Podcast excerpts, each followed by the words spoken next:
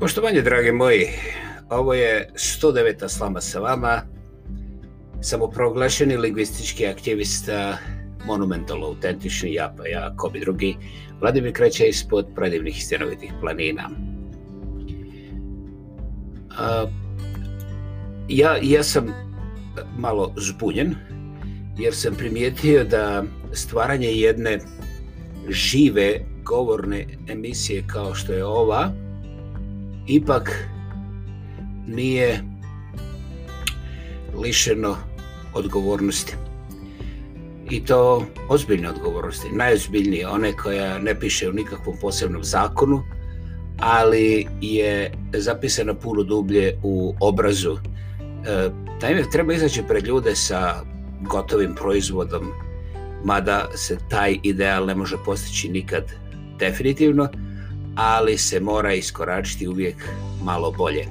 Konkretno ja govorim o tehničkom kvalitetu zvuka i već sam nekoliko primjedbi dobio da ljudi ne mogu čuti, što je i bez moga preslušavanja e, već bilo jasno, zbog toga što ja snimam na gotovo nevjerovatnim mjestima, suprotno svoj logici elementarnog poznavanja tehnologije zvuka i to sve zbog nekakve autentičnosti koju ja i dalje volim i koje vjerujem.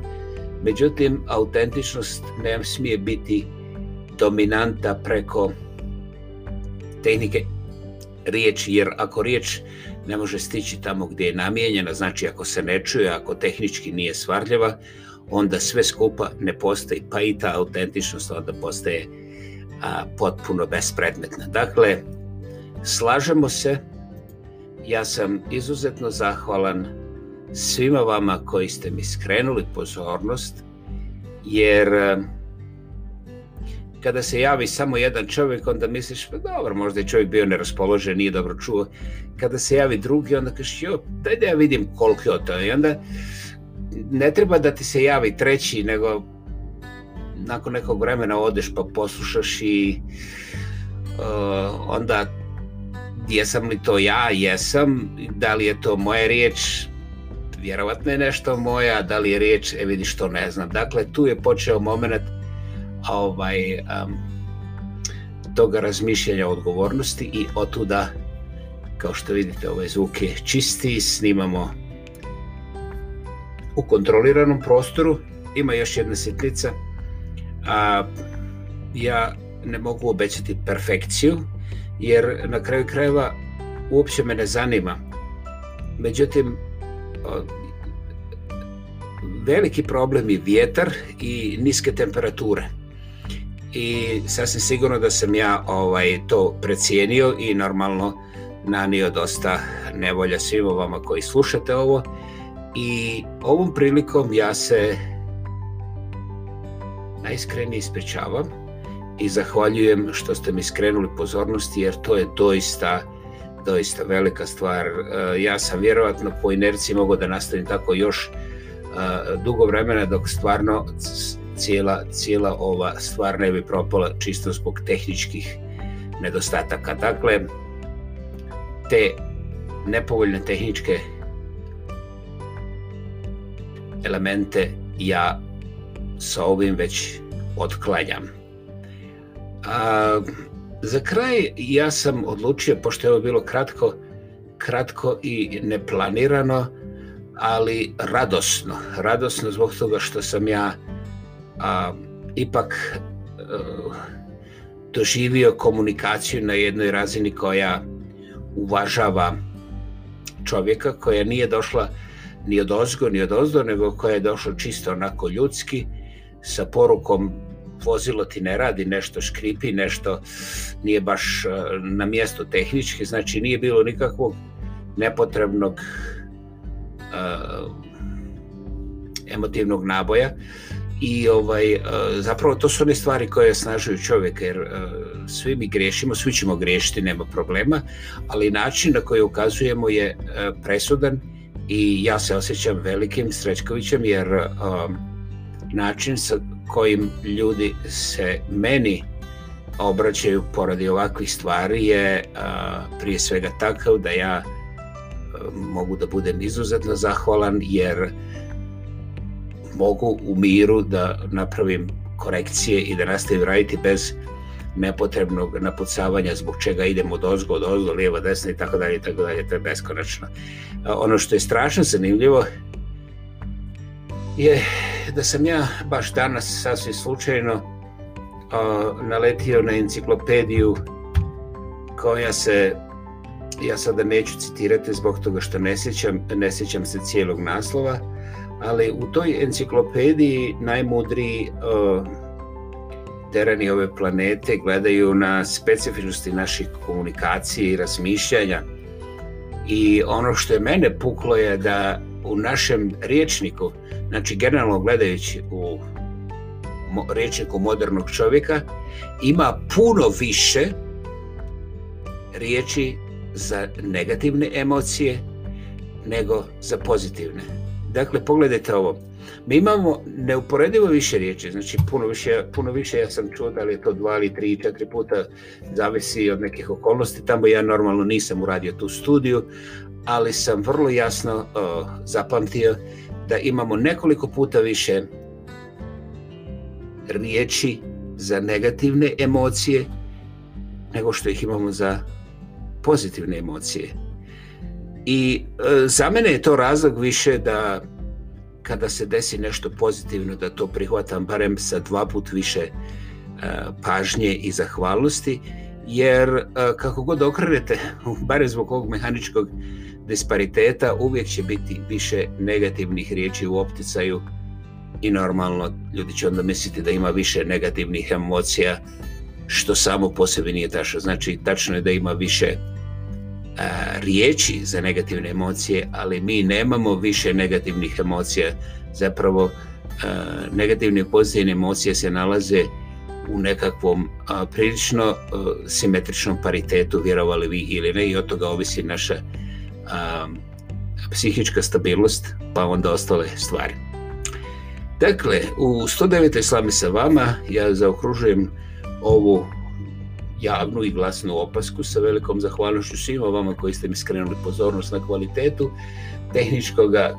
tehničkog e, elementa zvuka. E, potpuno ste u pravu, nemojte se oslušavati i u ubuduće ako nešto sa vaše strane ne može da se dobro čuje, jer e, ja ću to vrlo rado ispraviti. Bez obzira kolika je moja obaveza i sve te skupo stvari, to je, potpuno nepotrebno razgovarati o tome, zbog toga što ću ja uvažiti i vrlo rado ispraviti svaku nepravilnost na koju mi se ukaže.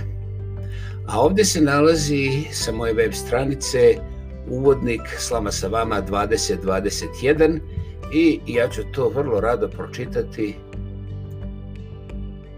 Dakle, Slama sa vama 2021, ja pa ja, ko bi drugi, Vladimir Kreće ispod predivnih stereotipnih planina, pazi ne možemo bez ovoga je, je podcast koji bi se barem mojim srcem rečeno, mogao zvati personalna radio stanica bez granica verbalnih.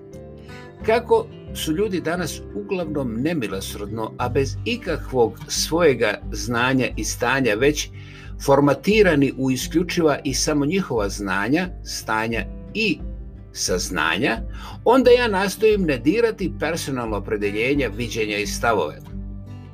Vjerujem da doista svako može i treba biti nesretan na svoj način ili barem ostavljen da vjeruje da je tako i nikako drugačije. Ja magiju riječi volim čuti i bez slike.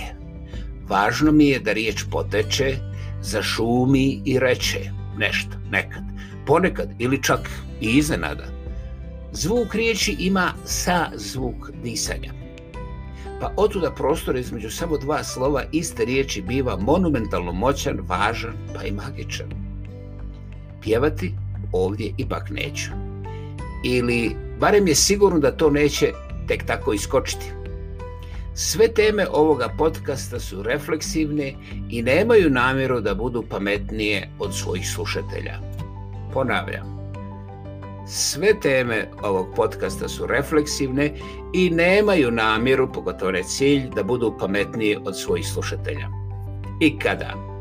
Ovdje izrečene kritike ne ciljaju nikakve kazne i ili posljedice jer autor smatra da se to već desilo, a i nastavilo dešavati isključivo po nekom od mene neovisnom voznom redu univerzalnog trajanja i postojanja.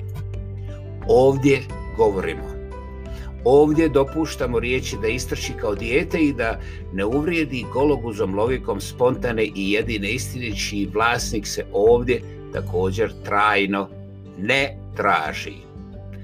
Vrlo rado ću ponoviti.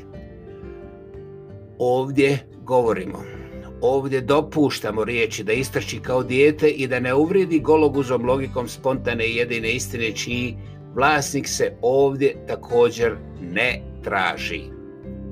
Ovdje imamo prostor koji se ne vidi, ali jasno postoji. Mi imamo dokaz da egzistiramo, a nikome to nije naplaćeno niti u krvi, još manje u strahu, neizvjesnosti ili nekakvoj besmislenoj manipulaciji, podlosti. Nastavite. Slama sa vama je podcast spontanog i djetinjeg formata kojemu cilj nije nasiljan, a domet nikako pamet, već uglavnom radost igranja riječju na interkontinentalnoj, globalnoj platformi neograničenog prostora koji je dušmanski zarobljen i stenje pod bezbrojnim, besmislenim podjelama demokracija, tehnologija, pameti, novce i ko zna sve nečega. Da, neograničeni prostor je fragmentiran surovim tvrdoglavostima našeg jer oni njihovi ne znaju kako smo baš mi neodoljivi. Ne, nisam se nasmio. Ne mogu. Ali Slama sa vama ne odustaje od spontanog djetinjeg brbljanja. Dobrodošli u riječ. Bila je ovo 109. Slama sa vama. Ja pa ja, kao bi drugi, Vladimir Kreća sa predivnih stjenovitih planina. Hvala vam. Hvala i radujte se. To doista možete silovito i ne treba vam zilion dolara da bi bili na vrhu svijeta kada vas radost opuzme. Dragi moji, čast je biti sa vama. Hvala.